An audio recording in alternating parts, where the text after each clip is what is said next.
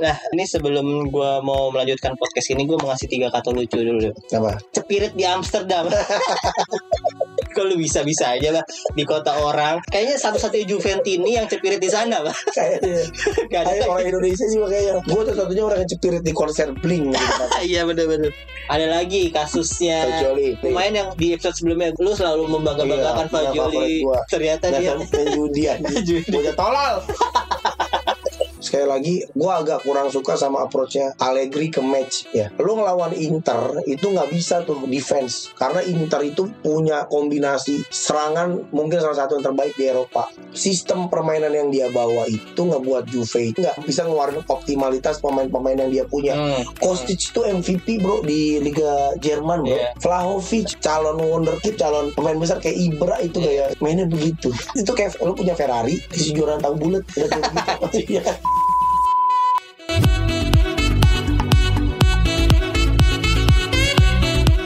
Halo selamat pagi, siang, sore, dan malam. Kembali lagi di Interisme Podcast Podcast yang bahas berita-berita seputar Inter Yang dibawakan secara monolog oleh gue Dan terkadang mengundang bintang tamu Seperti kali ini. Ini adalah bintang tamu yang sudah ditunggu-tunggu oleh gue sendiri Dan mungkin oleh para kalian juga nih. Lu sendiri. Ini dan gue sekarang ngetek langsung live dari Gudang kaos. ini adalah eh, tempat di mana beliau selalu memperjual Jual- memperdagangkan. Jual kaos second anjing. Ini bocah nanas pasti ngiri nih kalau mereka tahu gue ke sini nih. Banyak yang pada pengen COD ngambil di sini. Iya nanti nanti abis ngetek gue juga pengen milih-milih bahas sendiri nih kaosnya nih. coba coba dari turunin. Ya langsung aja gue present Abah Bica. Halo, halo Internisti Forza Jupe. Iya Pak ini jadi walaupun podcast gue podcast Inter ya Pak ya. Hmm. Ternyata episode yang paling banyak dengerin adalah episode lu. Tapi kan gua kan punya podcast, podcast Iya. minggu kan. Nah, pendengar podcast minggu juga banyak internisti. Oh iya. Banyak, banyak banget. Ah, jadi nanti lu share ya Pak ya nanti. Iya, ntar gue share, ntar gue share pasti apa. Tahu Banyak kok, banyak anak-anak inter. Ya siapa tuh nanti ada bocah nanas yang jadi ikutan dengerin gua Iya, gitu. iya, ntar, ntar gue gue share. Karena gua kan ada di noise juga bah. Lu tuh kan Oh, di noise. eh, di noise kan ada kayak pakai koin gitu ya. Oh, pakai koin ya. Hmm. Oh di Spotify gratis. Gratis. Nah, gue udah taruh di Spotify gratis, tapi masih ada aja yang beli di, di noise. Ada yang ada ada beli koin? Iya, koinnya sekitar ya paling cuma dua puluh ribu atau berapa gitu Nah. gitu harganya. Tapi ada yang beli. 10, ada yang 10 Ya, 5. ya 35 koin gue lupa harganya berapa tuh. Enggak, kan dua, dua, itu 30 ribuan kalau nggak salah. Iya mungkin ya mungkin Iya, segitu. ya, yang yang yang beli berapa? Ada berapa puluh lah. Ya, sih, lumayan juga. Iya, jadi lumayan. jadi ya gue nggak tahu itu pada apa emang sengaja pengen mendonasikan kepada gue Iya. gitu. Eh, lebih ke goblok sih. Padahal ada yang gratis di Spotify ya. Episode sama di Sama. lo harus bikin yang beda di situ. Iya sih, cuma gue lagi iseng sengaja nih siapa tahu ada yang beli. yang gitu. beli ya. Tapi yang, yang beli cuma punya lu doang. Kalau punya awe, awe ada berapa? Cuman kebanyakan lu. justru. Jadi ntar dijual lagi. Jadi lagi. jangan taruh di Spotify lu jual aja mendingan di biar pada beli. iya dong, karena kan ya, ya eh, podcaster lah ya duitnya dari mana lah ya. gue juga punya cerita. Kalau kan kemarin udah Amsterdam Oh, iya. kan. Ah, dari dari podcast kan Iya, ya, dari- dari, seminggu ya, jual kaos. Mm. Nah, gue jangan jauh-jauh ke Amsterdam dulu lah. Gue ke mana ya? Bali, Bandung. Jangan jauhan, Pekalongan ya. Gue mau nyobain ikan asap. ikan asap Pekalongan ya. Jangan jauh-jauh dulu, lu kan udah gede. Iya bener-bener Enggak lo podcast minggu gede apaan Itu emang gara-gara kaos sih Kita profitnya besar Tapi kemarin lu habis ngadain mini soccer juga pak ya? Tapi kemarin ya enggak kan sebenarnya kan podcast minggu tuh udah empat tahun. Nah kita tuh jarang banget di bikin Ah. activity sama pendengar. Nggak kayak podcast podcast yang lain podcast yang lain kan bikin activity ngapain ngapain Iya. gitu. Nah kita tuh jarang banget. Selama empat tahun tuh ketemu bocah nanas paling baru sekali main mini soccer waktu itu di FC 7 Lu main nggak nggak ya? Kalau kan sering basket ya mau. Hmm. Nah kita akhirnya kepikiran kemarin ah, bikin activity lah bocah nanas ngapain ya? Nonton Serina. Ya gue nonton kalau di Oh, oh iya lu ada ya di. Tapi kok gak ketemu lu di? ketemu aja. Ketemu ya lu Iya, ketemu. banyak banget. Iya, Nah, kita nonton Serina. Habis nonton Serina terus kayak ketagihan gitu di ketagihan Hmm. ketemu bocah nanas karena seru banget ketemu sama pendengar kan. Hmm. Ketemu sama orang yang dengerin yang tahu kita apa tuh seru banget. Nah, akhirnya kepikiran udah bikin bola deh. Hmm. Eh, mereka pada ngajakin main bola, akhirnya main bikin bola kemarin besok. Rame sampai 30 orang kemarin ya. Gocap lima Oh, orang lima oh. tim. Eh maksudnya yang yang main berapa orang tapi yang ada yang nggak main juga kan? Lima tim eh, itu sepuluh 8 sepuluh. oh bukan Eh, 88. delapan delapan empat puluh Nah, orang. 40. Tapi ada Iya yang benar. ada yang Ada yang datang nonton doang. Iya gocapan lah, gocap 60 lebih lah itu lah, lumayan. Iya itu Jakarta doang baru lu. Maksudnya itu juga maksud Yang banyak yang bisa, nggak dapat ya, juga kan. Iya. kan. Apalagi kalau bisa se Indonesia di GBK kayak bisa juga balu bisa di GBK. Gila mau Iya, jadi apa sih? Anjing di Amsterdam kemarin ada, pas kemarin ke Amsterdam Oh iya. ketemu. Nah ini sebelum gua mau melanjutkan podcast ini gua mau ngasih tiga kata lucu dulu. Apa? Cepirit di Amsterdam.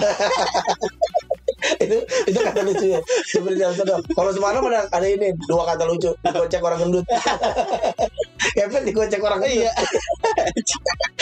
eh Kevin bisa main bola emang dulu.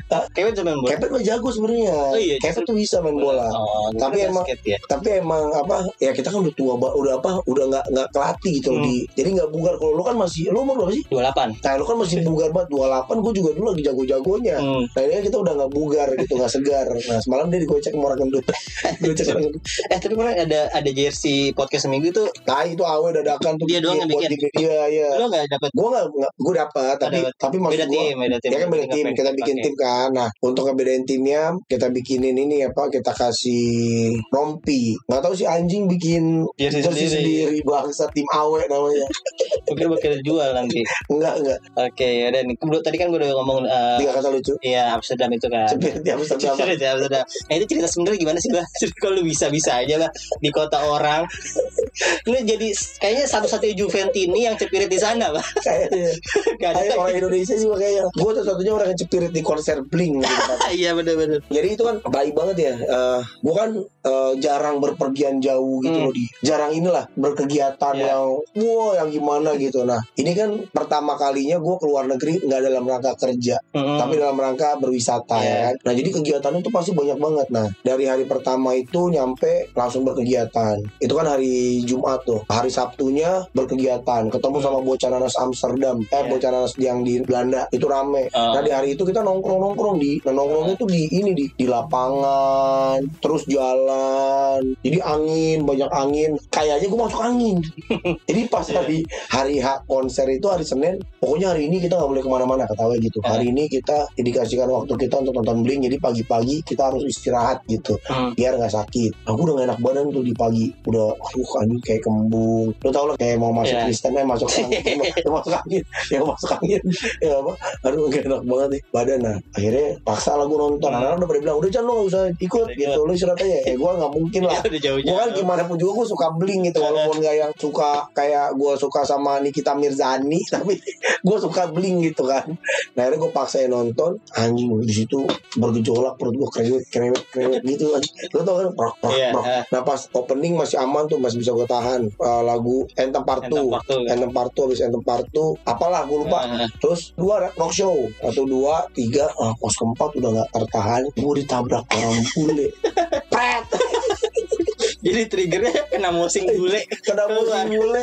Anjing gue udah tahan tuh Anjing cepirit bangsa Langsung gue Pencuci sempak Anjing Tapi gue udah feeling nih Gue tuh kalau ke mana-mana tuh selalu bawa ekstra kancut Heeh. sama kaos. Itu itu udah pasti settingan gue lah. Kenapa? Karena kalau celana dalam tuh gue kan keringetan gatel. Iya. Nah jadi gue ke mana-mana tuh selalu bawa celana dalam. Jadi celana dalam tuh selalu gue, gue kantongin. Karena takut yang kayak gitu ya bener kejadian kan Akhirnya kepake.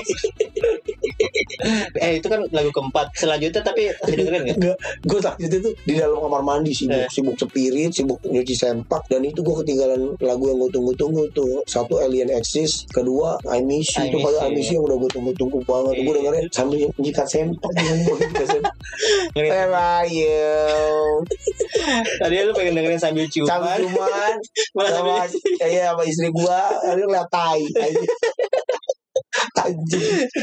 tapi ya itu loh brengsek gitu ya seneng nggak seneng sih ya Hmm. tapi tapi ya udahlah udah kejadian akhirnya gue denger lagu I Miss You kayak gue di di tip top kayak lagi Iya. belanja tuh ada suara jadi kejauhan gitu Oke, jadi tapi setelah itu lu balik lagi kan habis balik lah oh, pokoknya gue nggak bakal cabut dari Iya. konser beli jadi habis udah bersih gue beli bir gue masuk lagi Saya pakai lu tinggal. Ya kan? akhirnya gue buang gara-gara gini wah anjir gue ketinggalan first date gue ketinggalan rocks apa eh, banyak lagu nih gue nggak mau gue gue akhirnya gue buang aja bodo amat anjing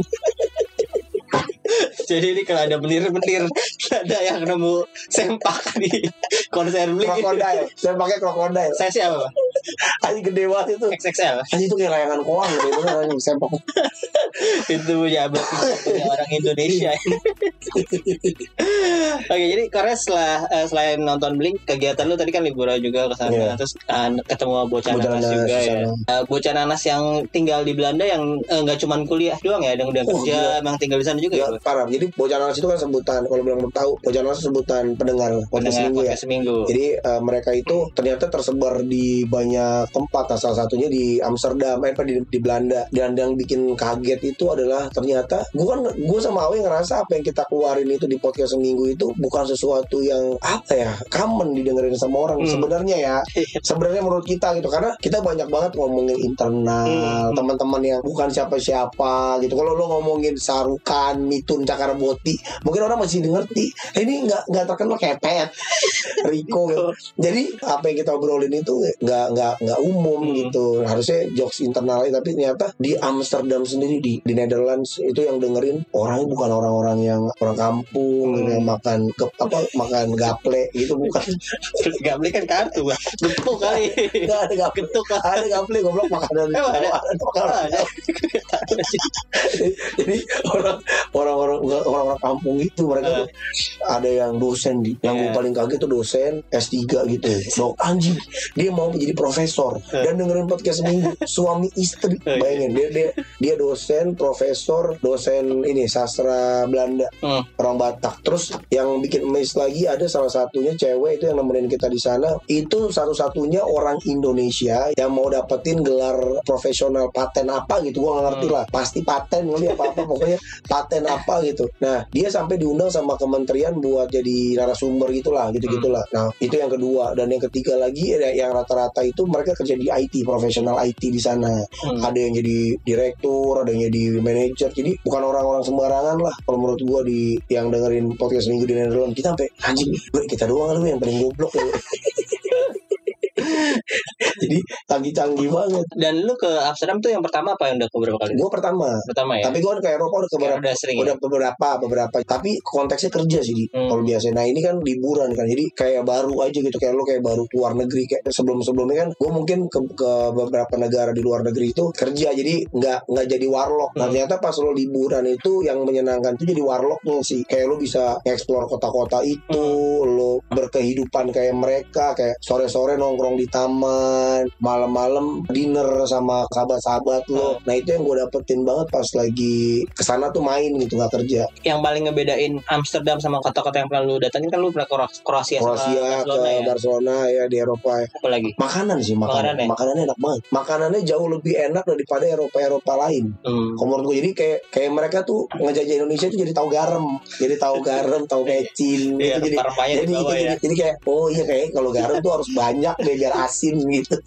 karena kan biasa kalau lu makan anjing tawar banget anjing Nah, betul. kayak dia ngerti oh garam banyak ini kita biar ada asinnya gitu dia tahu Oke oke. Nah, lu berarti berapa hari di sana? Bang? 8 hari ya 8 hari di Amsterdam terus balik Oke. Nah, selama 8 hari itu ada nggak pengalaman yang berbau sepak bola tuh di Amsterdam? Nah itu anjing banget Jadi inilah karena kegoblokannya kita Gue tuh nggak pernah yang niat ngelakuin sesuatu tuh Hmm. niat itu di Harusnya kan kalau lo mau keluar negeri lo niat lo research ada apa di sana bakal ngapain apa Itinerary-nya ya. bikin- Ya bikin itinerary yang yang clear lah, yang jelas lah. Ini kita nggak bikin gitu. Awe padahal udah pernah bilang tuh, eh coba deh lo ngedata ngelis apa-apa yang mau kita lakuin di sana. Ya gua karena gua tuh orangnya bener-bener nyantai ya, nggak punya gitu-gituan. Jadi ya udah berangkat aja ntar gua ketemu di sana. Nah nggak taunya kita ngelewatin dua momen sih yang berhubungan sama sepak bola. Nah kan kita kan nonton konser itu di Zigodom Ya, dekat uh, Johan Cruyff Arena dekat banget sama Johan Cruyff Arena jadi seberangnya kandangnya Ajax. Ajax.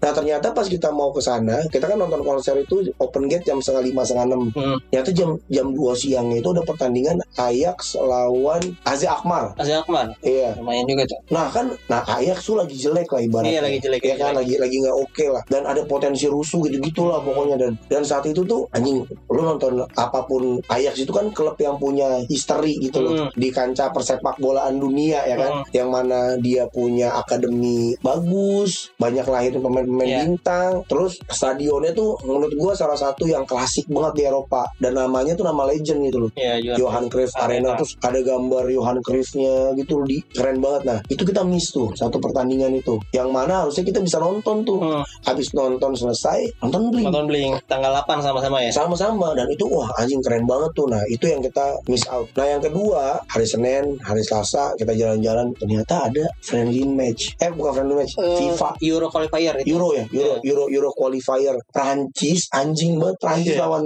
lawan lawan Netherlands. Netherlands Iya. gila nah itu yang kita langsung anjing miss banget kenapa anjing Prancis lagi bagus banget di Hmm. Mbappe gitu lo Hmm. bisa ngeliat Mbappe secara langsung lo persetan ya klubnya apa ya lo Iya. ngefans sama apa terserah tapi ngeliat Mbappe kan beda di Hmm. bener nggak lo Iya. kayak ngeliat Mbappe kayak anjing lihat Mbappe lihat Cody Gakpo di Belandanya Safi Simon. Iya ada Xavi Simons calon-calon pemain masa depan tuh Hmm. jago-jago tuh Gakpo Simons terus dia Belanda sama lagi sih yang jago De Jong main gak sih Kemarin yang golin tuh uh, Quentin Hartman kalau nggak salah. Nah jadi itu kan calon-calon pemain kelas gitu loh di terus di Prancis juga Mbappe fuck lu ngeliat Mbappe main terus dia golin dua lagi Golin dua. uh, bener. Asu. Jadi kalah Itu kemarin sih. kan Belandanya Kalah Belanda 2-1, dua. iya. Nah itu yang kita miss out sih dan dan nyesel juga ya Hmm. Hmm. Karena kan teman-teman beberapa berangkat ke luar negeri tuh kayak Patra, Patra, Guma, Patra siapa nama panjangnya? Podcast.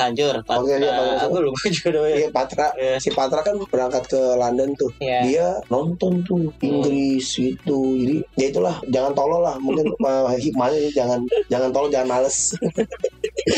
Tapi kalau di Amsterdam Belanda tuh kota yang histori sepak bolanya bagus lah seperti yang lu bilang Hmm. tadi. Ada nggak tuh kayak di gang-gang kecilnya anak kecil main bola juga gitu? Nah itu gue lihat. Kayaknya Eropa enggak deh. Eropa Iya. nggak segitunya ya. Karena mereka ini lebih proper, nggak di gang. Oh ya sorry sorry gini. Kalau di Amsterdam Hmm. itu mereka main bola di lapangan yang proper karena di kota itu ada beberapa lapangan yang disediain sama Pemkot. Oke. Jadi kayak di Amsterdam gitu kan gue tinggal di Ooster Park. Di Ooster Park itu ada lapangan bolanya di bagus banget di kayak lapangan mini soccer gitu. Nah orang pada main di situ. Nah kayaknya waktu gue ke Barcelona sama. Jadi di Barcelona itu banyak banget lapangan bola. Jadi lo kayak proper properly gitu dan dan karena mungkin sepak bola itu di sana itu udah jadi kayak ah lo bisa lo jadi pemain bola lo terjamin kok Hmm. gajinya oke kok gitu. Jadi mereka tuh main bola tuh serius gitu di sampai malam gue lihat malam-malam tuh ada SSB-nya jalan gitu. Tapi kalau di Amsterdam sih nggak segitunya kayak di Barca ya, kayak di, Di, Barcelona. ya oke di Spanyol ya. Jadi ya maksudnya ad- eh, banyak lah yang main bola Banyak, tapi banyak. di tempat yang sebenarnya ya nggak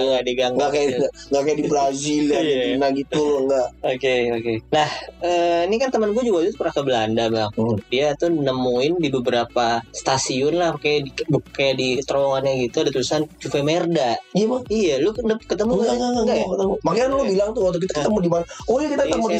Lu bilang, bah hati-hati lu bah di sana banyak uh, banyak orang su- suka nggak suka Juve. Eh, gua nggak nemu sih. Nggak ada ya. nggak nemu mungkin kalaupun ada di sana dikeselin karena itu kali ya karena dulu kayaknya final Liga Champion kali ya Oh iya waktu itu ya. final Liga Champion dia Juve Juve Ajax kalah Ajax kalah sama Juve mungkin itu kali asal mulanya tapi kalau gue lihat ya di luar negeri sebenci bencinya klub bola apa se mereka ngefans ngefansnya Hmm. nggak katro katro Iya, amat gitu Hmm. Nggak yang sampai gimana gitu biasa aja kayaknya mereka Iya waktu itu Juve menangnya tahun 96 ya. Iya, tenang. penalti. eh adu penalti ya adu penalti. penalti Satu dua. empat dua terus habis itu Edgar Davids dibeli sama uh, Milan Terus Van der Sar juga ke dari Juve ke eh dari Ajax ke Juve nggak sih waktu itu? Enggak, enggak, enggak Van langsung. Van der Sar itu ke Juve tapi enggak dari enggak enggak habis 96 itu deh. Karena kan kita Buffon dulu eh Iya, enggak enggak. Buffon, enggak Ajax dulu apa Van der Sar dulu baru Buffon. Hmm, Bener-bener. hmm, hmm, hmm. Oke, kita nggak tahu sih gue temen gue nemu di stasiun mana. Pokoknya ada Banyak ya? ada ada beberapa lah. Pokoknya ya vandal-vandal yang Ya. yang ilegal gitu. Kayak di terowongan-terowongan Juve Merda. Juve. Tahun berapa? Pak, hai, tahun ini tahun ini sama. Oh, tahun ini Pas enggak tahu. dia dia kan mau ke Napoli sebenarnya, cuman dia Pulang situ dulu. ke Belanda dulu. Ya kalau Juve emang banyak musuhnya lah ya. Nah, ngomong-ngomong banyak musuhnya nih Juve musim ini kayaknya lagi dimusuhin banget nih sama Sama dunia. sama dunia ya. Karena di akhir musim kemarin kan Juve sebenarnya masuk ke empat besar ya, Bang. Iya, tapi pola poin. Iya pengeluaran poin segala macam terus akhirnya akhirnya dia di ban dari kompetisi Eropa. Iya. Gue nggak tahu se- semusim apa dua musim sih. Semusim. Semusim ya. Ya, Jadi musim ini nggak main di UCL, nggak di Iya, nggak dapet Europa League, pokoknya di mana pun nggak main jadi main di, di Serie A doang. Itu Bagus. ya untungnya Fokus, lagi jadi fokus, fokus. ke eh, Serie A ya. Terus ada lagi kasusnya Fajoli. Iya Fajoli itu pemain yang di episode sebelumnya lu selalu membangga-banggakan Iya, favorit Fajoli. Iya main favorit Iya, lu ya. Fajoli. Ternyata dia Ternyata main judi anjing. Judi. Bocah tolol. main judi ilegal. Sebenarnya kan di sana main judi nggak masalah ya. Maksudnya, masalah. Asalkan jangan yang ilegal. Iya. Terus jangan yang sebidang sama olahraga yang Iya, yang ikutin. mainin. Iya. Nah, dia mainnya di sepak bola juga. Fajoli. Jadi memang Juve tiga tahun ini ya. Sebenarnya sama sih ya. Semua, kalau menurut gue semua klub bola tuh pasti ada masa-masa najisnya ya. Hmm. Kayak tiga tahun ini mungkin Juve kayak gitu kayak anjing di ada aja kayak musim lalu pengeluaran poin, Hmm. pelaporan keuangan yang nggak benar gara-gara Cristiano Ronaldo, Hmm. transfer Ronaldo terus musim ini setiap international break selalu ada berita Iya. tainya kemarin Pogba Doping doping. Eh, international break pertama Hmm. international break kedua Fajoli Fajoli.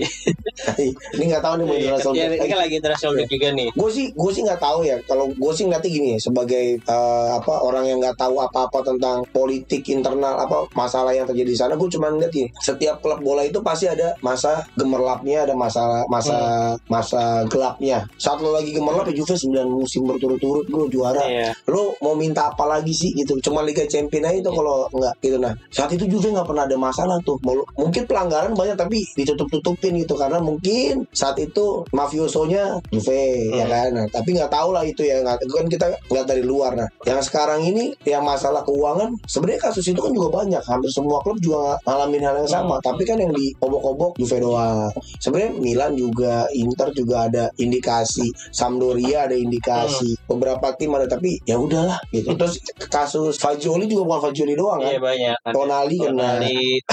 Terus ya beberapa malah Tonali lagi. yang ngajarin Iya Tonali yang ngajarin makanya dia paling lama setahun Iya tapi dia udah pindah lagi ke Newcastle. Newcastle.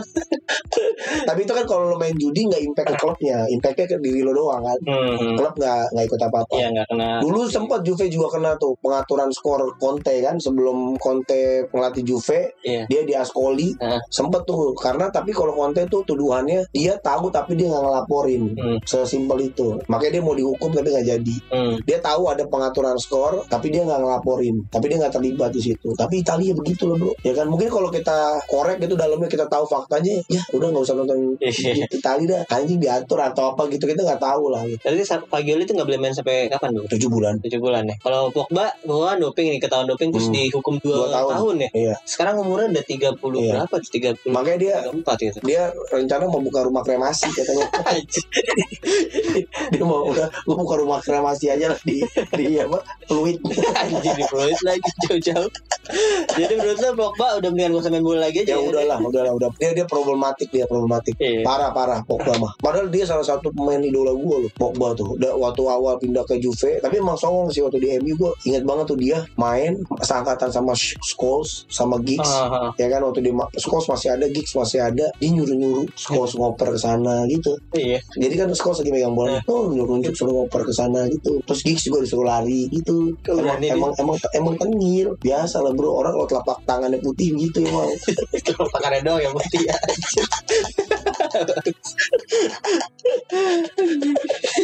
gitu emang kelakuannya emang emang brengsek. Oke, dan ya tadi kan kita udah bahas eh, Juve musim ini dilarang main di Eropa, jadi Hmm, dia fokus, fokus. banget di Ya. Serie A nih. Dan saat ini diam-diam bagus lah, baru satu kali kalah kan, Ya. kalah sama Sassuolo 4-2 dan satu kali seri dan Seri. saat kita ngetek ini kemarin baru aja menang Menang 2-1 Cagliari. Cagliari anjir. Semalam gue nonton tuh. Iya, lu nonton nonton Nonton. tuh men. Gue juga nonton terus. Kalau Juve nonton. Kalau bisa gue pasti nonton, tapi kalau emang udah anjing ngantuk banget enggak. Tapi gue gue usahain nonton. Hmm.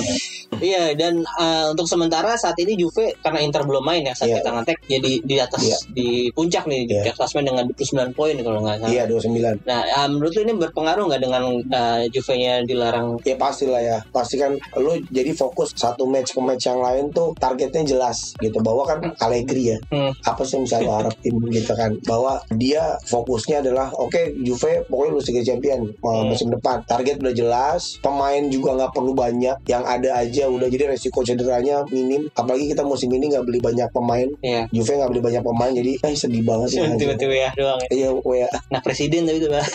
Karena tuh iya, sekelas Gibran. aja. Dia kayak kaisang ya. Anjing bener ya anjing. Dos bus ya.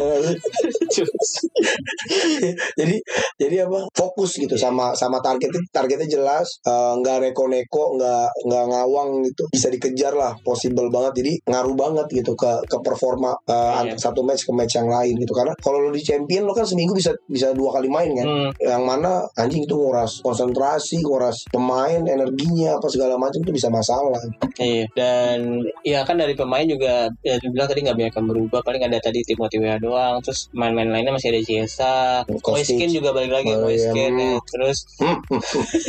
Mi, eh, Milik segala macam jadi ya paling Cuadrado ya kayak itu. Iya, suka banget ya Inter sama pemain Juve yang udah tua ya. Kemarin apa? Uh, Asamoah. Sama udah karena Cuadrado. Tapi Cuadrado juga di, di, di Inter bah. banget. Dia tuh sebenarnya masih oke. Sebenarnya masih oke tapi memang uh, IQ-nya masalah dia. Dia tuh cuma masalah banyak ya pemain-pemain itu yang masalah di IQ jadi gue tuh sebenarnya agak-agak sedih-sedih enggak gitu sama Cuadrado. Tapi daripada pemain terjagonya Juve salah satunya Cuadrado mending nggak rela banget kayak ada tim salah satu pemain terbaiknya Cuadrado.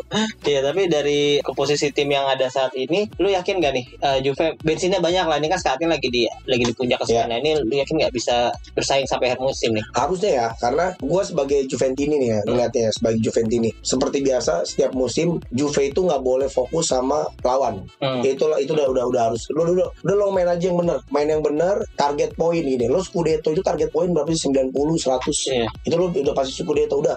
Fokus ke angka angka poin itu. Lo bisa Scudetto. Nah dengan ngelihat gaya mainnya Juve Juve itu kan nggak bukan tim yang mainnya bagus di. Hmm. yang penuh taktik apa penuh penuh skill individu. Itu zaman Pirlo doang udah udah berlalu masa itu bisa ngecop tiba-tiba eh, lo pas gitu. Udah nggak mungkin ntar itu terjadi. Jadi udahlah Juve yang gua kenal itu adalah Juve yang gerinta. Nah. mainnya jelek ya kan? Tapi golnya tuh menit-menit akhir bisa golin. Nah sekarang nih yang yang masalah di Juve itu kan mental. Nah dengan lo nggak main di champion terus lo menang streak win streak sekarang win streak yang ke-6 ya kalau nggak salah ya win streak ke-6 ya kalau nggak salah ya win Iya streak kayaknya deh. 6 berturut-turut Kan menang lawan Cagliari kemarin tuh Iya. Juventus, Verona, Milan, Torino, Iya. oh, mau kelima berarti. Kelima. Lawan Atalanta ya seri Oh soalnya. iya, uh, Wins, ya nggak kalah enam kali lah ya, nggak Iya. kalah enam kali berturut-turut. Nah ini tuh bisa ningkatin confidence sebenarnya sama Hmm. sama pola pola kemenangan gitu. Akhirnya tahu deh rumusnya. Oh oke, udah pokoknya yang paling penting ini sebelum pertandingan kelar, gue pasti bisa menang. Nah itu dulu tuh. Nah Juve itu begitu, uh, Vino Alavine itu gitu, Iya. gerinta gerinta gitu. Nah gue lihat progresnya sampai sampai match lawan Cagliari, oke tuh. Itu itu proses yang on track yang benar lah, track yang benar. Bahwa mentalitas belum kalah sebelum pertandingan itu harus harus Iya, walaupun menangnya cuma satu kosong, emang begitu emang gitu. begitu terus ya emang begitu menit 80 menit 90 emang harus begitu malah gue orgasme gitu kalau kayak begitu bener gue happy banget gue kalau kayak gitu Iya. karena ini Juve yang dulu nih begitu gitu Hmm. tinggal yang dulu tuh lebih udah menang 2-1 terus imbang 2-2 tiba-tiba menang 3-2 nah Juve yang dulu kan Hmm. gitu kan nah tinggal itunya sih menurut gue sama jangan kalah lawan tim-tim kecil gitu Iya. jangan loss hilangan poin sama tim-tim kecil nah selama itu kejadian sih harusnya oke ya kayak kemarin tuh harusnya nggak perlu kalah sama Sassuolo harusnya ya tapi Sassuolo lo tahu sendiri itu tim dengan full full teknik itu teknik sih tekniknya bagus banget Ya, pemainnya ngeselin juga kan eh, Inter juga kalah sama Solo. Iya. Cuman dia kalah lawan tim-tim apa? iya gitu. memang Bagusnya lawan tim-tim besar. gede, iya emang anjing itu dia Aja ngeselin. Inter juga katakan kalah sama Solo dua satu. yang bisa Berardi golin Berardi. ya iya emang anjing itu orang jago banget dan dia lagi reborn si Berardi itu sih Iya iya. Lagi- Kan itu- ah, sebenarnya kan dia mau ke Juve Oh, musim ini kan. dia Harusnya. selalu dia tuh selalu mau jadi incaran Juventini tapi dia nggak pernah mau lu Karena tahu dia kenapa interistik. yes karena dia oh, Mm-mm. dia fans Inter jadi Juve tuh sedikit lagi beli Berardi bro waktu Iya. itu Waktu dikit musim ini, banget musim ini Eh, dua musim lalu Iya. juga dia sebelum di Sassuolo di mana sih kepemilikan bersama juga Juve masa Iya Juve sama Sassuolo dia nggak pernah mau bro dia nggak pernah mau nggak pernah mau pokoknya ke Juve padahal lu bisa bayangin kalau uh gua tuh ngebayangin ya kanannya Berardi kirinya Chiesa ih Iya sih. strikernya Vlahovic tapi pelatihnya harus ganti Jangan Allegri lagi ya. Nah tapi ngomongin Chiesa nih bang, Hmm. gue ngelihat Chiesa ya salah satunya Chiesa ya. Gue kan suka nontonin pertandingan lain juga selain Hmm. Inter lah ya. Ya. Gue sekarang kan bahas Serie A juga. Nah gue yang gue lihat masih gerinta banget itu emang Chiesa doang sih kalau gue lihat musim ini ya. Chiesa sama Rabiot lah paling. Kostic. Nah, Kostic juga. Iya, Nah, tapi Chiesa ini sering banget cedera. iya bener. Dia Eh, sayangnya ya. itu. ACL kanan kiri bro. Iya makanya. Nah menurut lu ada nggak sih pemain lain yang harusnya step up untuk meng- mema- eh, role-nya Chiesa gitu ya? Dia kan sebagai pemain Oh. Ita Itali juga, maksudnya yang kayaknya dia juga ya cinta lah sama Juve gitu. Iya dia Juve- dia dia, dia Juventini dia. Iya maksudnya ada nggak sih pemain yang eh, jadi leadership lah untuk ngebawa nih lu mainnya harus gerinta banget sampai menit akhir nih maksudnya kayaknya nggak semua pemain gitu yang Iya. main gerinta eh lu Iya, bilang bener, sampai menit akhir yang jadi ke bawah lah tim-tim lainnya Yes. eh main lainnya sama Juventusnya ya. ah, Juventus ya. Kalau gue lihat gini, sosok Maksudnya siapa gitu sosok sosok leadership memang eh, sekarang tuh eh, di Juve itu kita punya beberapa pemain yang yang menurut gua bisa dijadiin eh, contoh sih. Danilo tuh gerinta banget bro. Hmm, Danilo eh, makanya dia di musim pertama harus jadi kapten. iya. Eh, Danilo Eh, terus eh enggak di musim keduanya ya jadi kapten. Terus kita punya Rabio. Iya. Rabio itu ternyata jauh lebih stabil dari Pogba. Dulu gue benci banget sama dia bro. Ternyata kalau dia jadi kapten dan dia lumayan ini sih lumayan lumayan ganas lah. Terus kita punya Kostic, ada Chiesa yang pastinya kayak kalau main tuh nggak mau kalah banget kan. Iya. Dia kayak oh pokoknya tim ini harus menang. Mukanya juga kalau gagal nge tuh wah.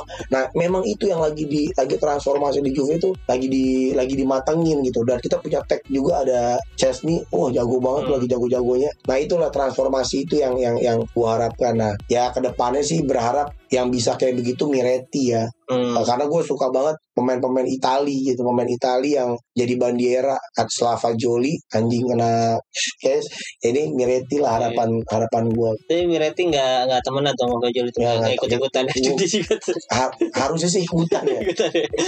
tapi gak ada anak kecil bro Iya. itu mah pasti oh, naruh nih gue mantep nih gitu anjing banget bang Iya sih jadi ya emang kayaknya ya Juve butuh seorang kan dulu kayak ya Del, Del Piero terus siapa lah yang yang emang Nedved yang punya jiwa leadership jadi ngebawa pemain-pemain lainnya juga Iya. punya punya jiwa yang sama gitu di Juve ya. Iya, nah itu dia makanya sekarang nih Grinta itu udah mulai kerasa makanya di, di di hasil akhir tuh udah mulai kerasa kayak pemain-pemain kayak Cambiaso, Ya kemarin gol golin Akhirnya. waktu Fiorentina. Hmm. Terus kita semalam Rugani itu nunjukin solidnya dia kayak anjing nih pemain reborn musim ini gitu Rugani ngegolin Bremer, Bremer juga juga nggak mau kalah lah gitu. Wah itu orang salah satu pembelian terbaik Juve sih yang pernah gue Hmm. lihat tuh Bremer. Hmm.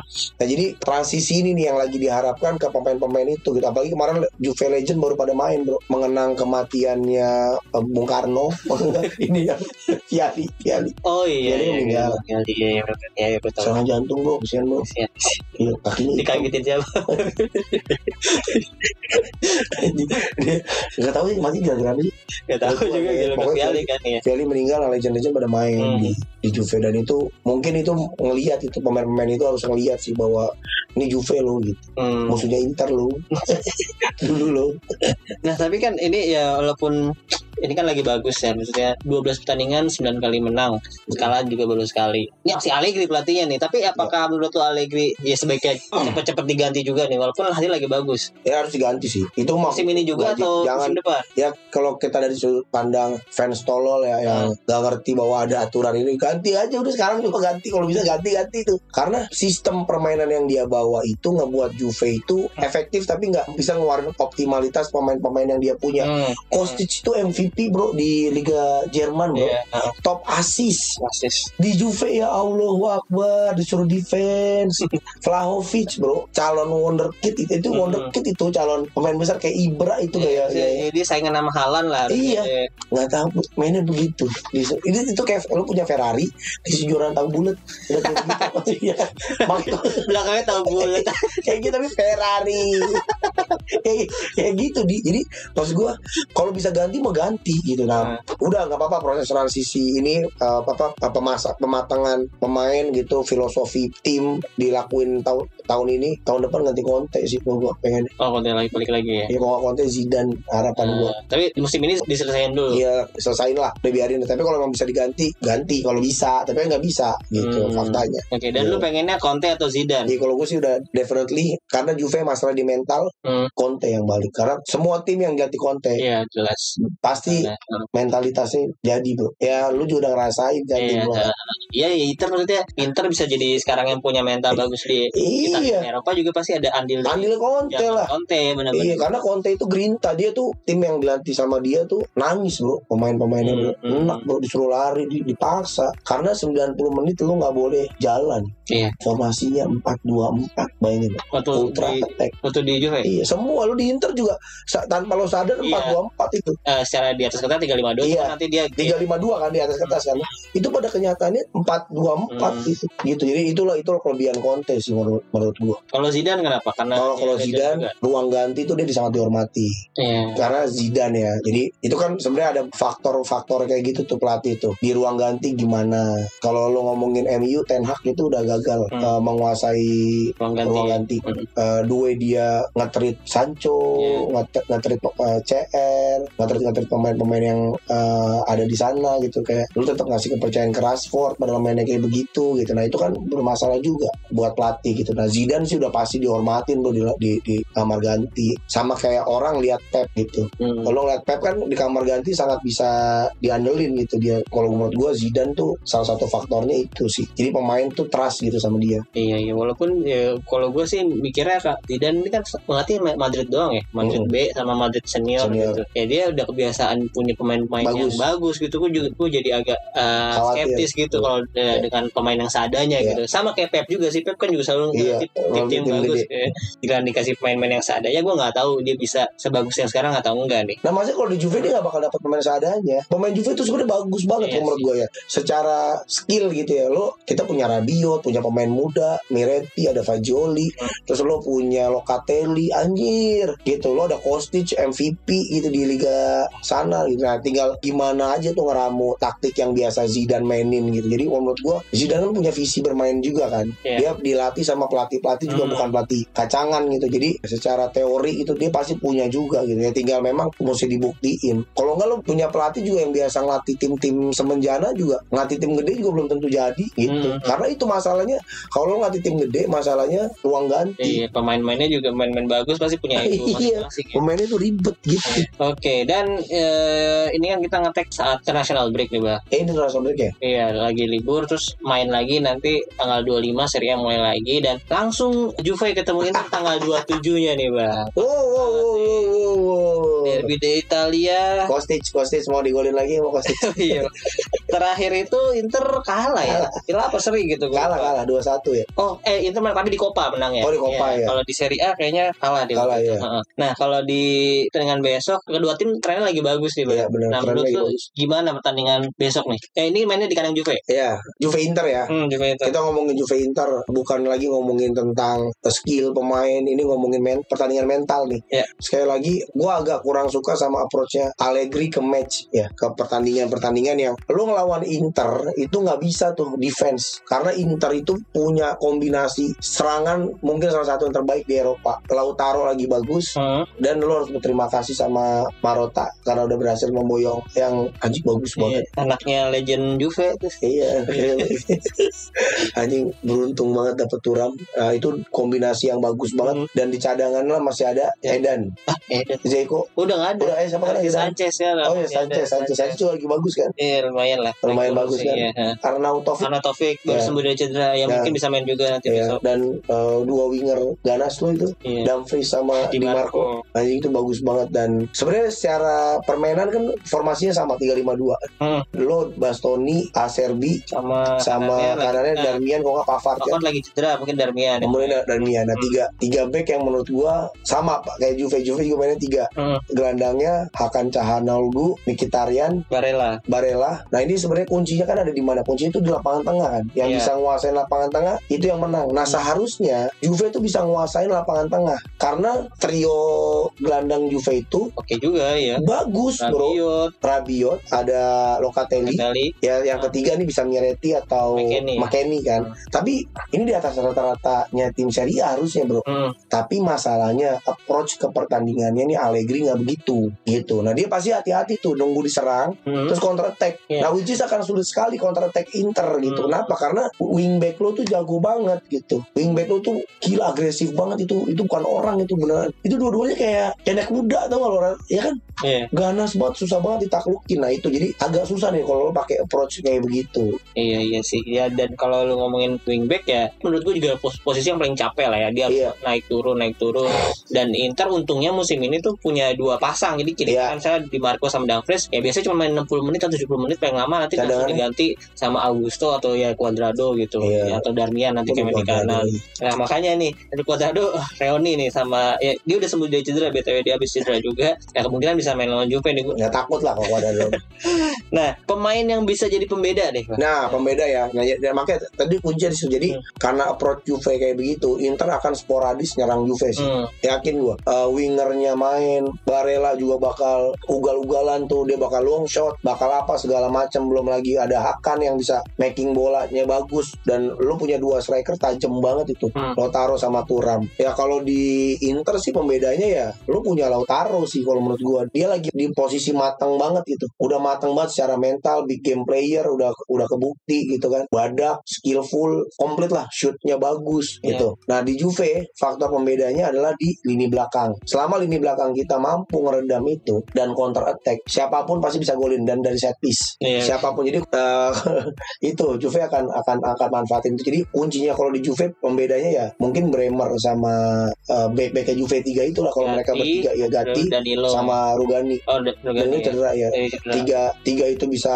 formnya bagus, kunci pergerakannya, eh, bola mati akan jadi faktor penentu kemenangannya Juve sih. Hmm, jadi menurut lo Juve akan kesulitan untuk cetak gol dari open play jadi Susah. jadi mungkin ya bisa dimanfaatkan dari bu- set play bola mati bola mati doang ya Pak, Iya. ya. Tapi memang ini gue again ya, gue bukan ngeremehin Juve, tapi bagi gue approach-nya pelatihnya begitu soalnya. Hmm. Tapi kita nggak tahu, siapa tahu kayak lawan Lazio, Hmm. bola jauh ditendang, beke Inter geblek, Vlahovicnya kontrolnya bagus, Iya. bisa gocek-gocek shoot, kita nggak tahu gitu. Nggak tahu kalau tahu lawan Lazio begitu golnya, Iya iya iya. gitu. Nah jadi itu sih, kalau siapa pun di lini depan, Juve nggak ngandelin ya kayak Chiesa, Kin, Vlahovic, Milik, kayaknya sama aja. Hmm. Karena memang memang mereka nggak nggak diminta untuk mantulin bola golin apa dapat umpan bagus tuh enggak gitu jadi ya paling bola mati free kick gitu-gitu aja Dan karena gue ngeliat dari pertandingan lawan Fiorentina ini kan eh, si Juve ya jolin duluan tuh di menit 10 si Miretti. Iya. Ya habis itu Fiorentina megang bola terus serang terus Iya serang terus Juve cuma 30%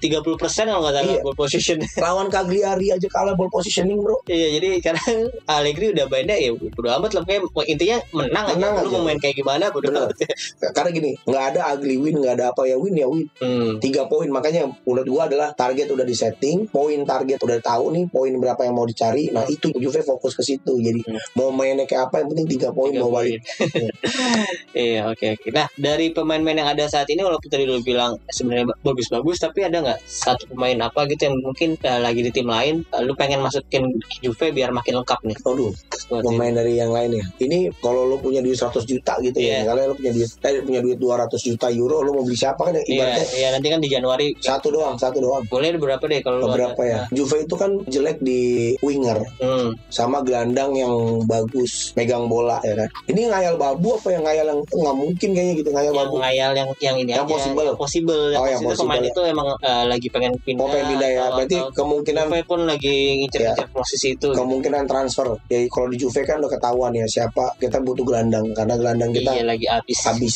ya ya satu doping satu main judi goblok nah kayaknya butuh gelandang kalau gelandang sih Juve itu terkenal dengan tim yang bisa nge-reborn Hmm, iya, jadi emang. pemain itu bisa reborn Iya. ya kenapa karena kekeluargaan di Juve itu. Zidane bilang ini sekali lo jadi Juve lu jadi Juventini selamanya Hmm. gitu. jadi karena suasana ruang gantinya itu akrab Mhm. Nah jadi kalau menurut gua poin pertama gelandang dan kita bantu dia untuk reborn. Jadi win-win ya kan. Nah kita butuh gelandang kalau menurut gua ada beberapa nama ada Partey, Thomas Partey Arsenal Arsenal, ya, ada Calvin Phillips-nya City. City. Sisanya mungkin lo harus beli gitu. Oh, itu Hojberg, Hojberg Tottenham. Tottenham. Nah jadi mungkin dari tiga orang ini yang possible dibeli itu adalah Thomas Partey karena dia badak, dia punya long ball pass yang cukup bagus. Tapi masalahnya kaki kaca. Oh iya. Nah, ini ini ini gateli nih. Hmm. Nah, Calvin Phillips juga sama, dia bisa reborn di di Juve. Dan yang ketiga nih sebenarnya yang gua mau nih Hotspur sebenarnya. Kalau bisa Hotspur gitu. Tapi kan harganya mahal. Tottenham kayaknya nggak mau minjemin, maunya jual gitu. Jadi kalau bisa beli ya Hotspur atau Calvin Phillips. Tapi kalau ya apes-apesnya ya Party lah. Udah itu aja. Sisanya mah nggak usah beli yang aneh-aneh lah. Karena duitnya lagi ngislok begini dan kita. Cuma main di Serie A. Iya, Kasihan pemain-pemain yang ada. Jadi untuk musim ini ya karena cuma main di Serie A,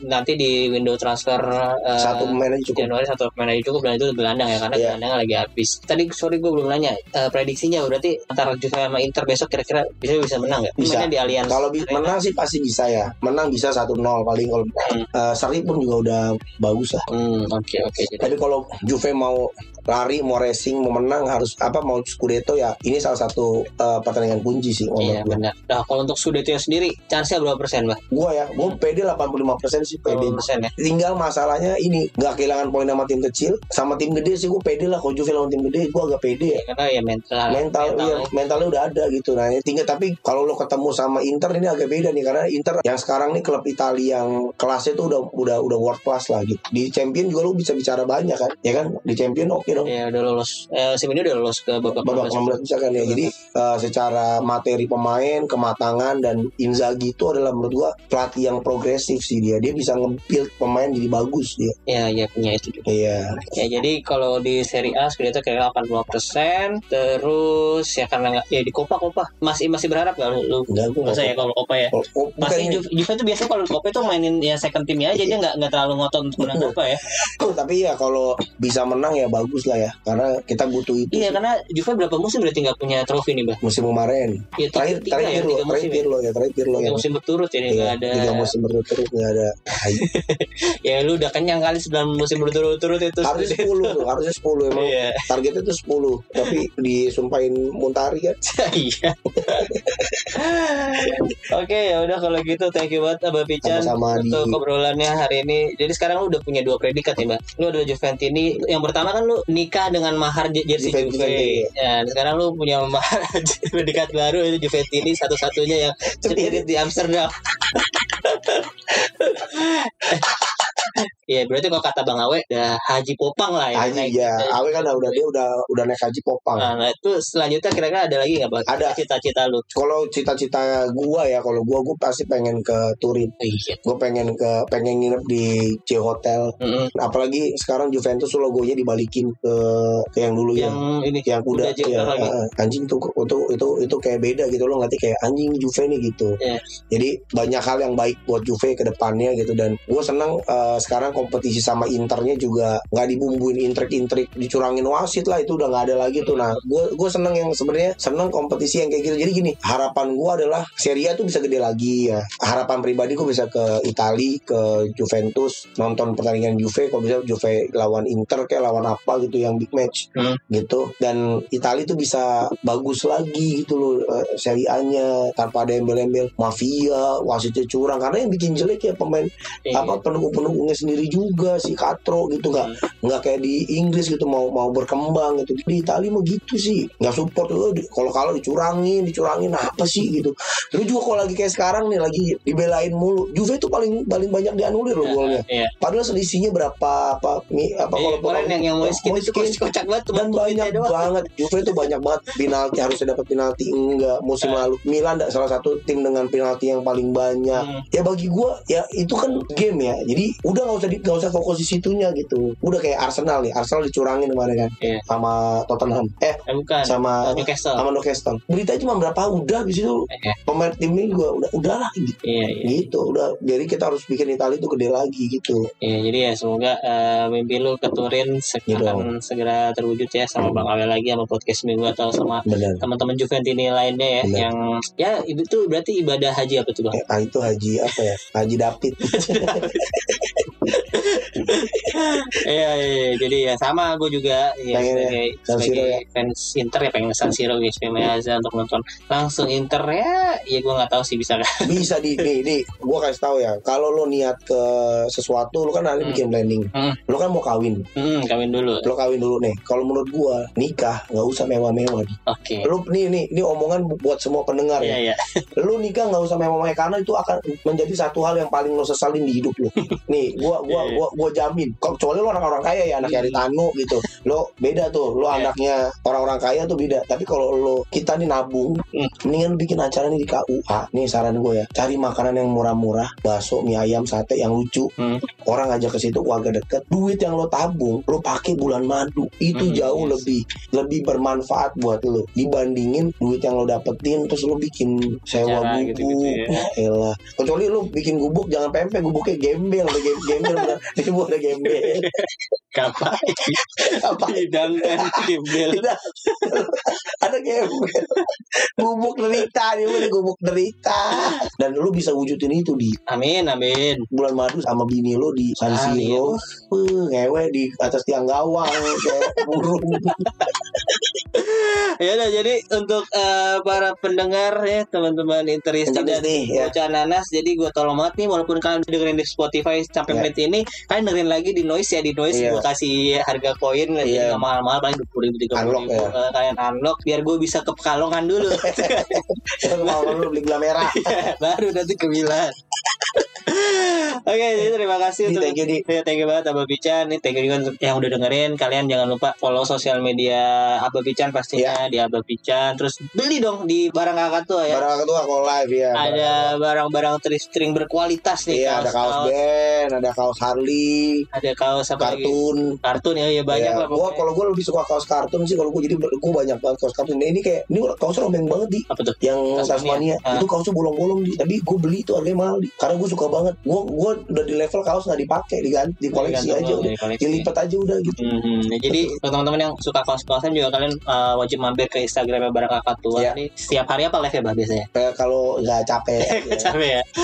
dadakan gue tuh salah satu toko trip yang nggak ada info orang kalau mau tulis tuh Hmm. mau live info oh ini kita mau live tanggal sekian Hmm. diiklanin gue kaget di gue kalau lagi ah, live ah, live aja udah dadakan Iya. Nah selain ada ini sekarang celana masih ada nggak lu celana? karena ada, Karena ada. Karena- tapi tinggal dikit karena rencananya mau gue sell tuh tiga puluh ribuan karena benar-benar mau ngabisin kita mau jahit lagi Hmm. rencananya kita mau jahit Desember itu juga deg-degan tuh lima ribu kayaknya datang gue jahit lima ribu piece karena Taruh sini lagi. gue juga bingung perlu perlu lagi karena kemarin seribu lima ratus habisnya cepet juga sih sebenarnya Iya. itu kan nggak di nggak dipromoin ya di organik aja gitu Hmm, Shopee doang ya. Hmm. Namanya Tokped juga. Ya udah bah, pokoknya eh, jualannya lah. thank you Semua thank ini you cepet thank you cepet kosong ini rumah. Kayaknya nggak bakal karena Tekstil. udah datang lagi dua bal udah mau datang lagi dua bal Aduh, ya udah pokoknya cepet laku semuanya. Thank you, Di. Bye. Nanti gue juga pengen Pilih-pilih ya. Ya, pilih pasti nih, ngomong lagi di sini, ya. Ngomong lagi di sini. Terus teman-teman juga jangan lupa untuk follow sosial media gue. Kalau di Twitter ada Interisme Media, di Instagram Interisme Podcast. Dengerin terus tayangnya setiap hari. Nggak tahu suka-suka gue juga. Yaudah sekali lagi terima kasih Adi Fiderci, Forza Inter, Eh, Vino lah Vide Juve Forza Serie A. Pada Serie A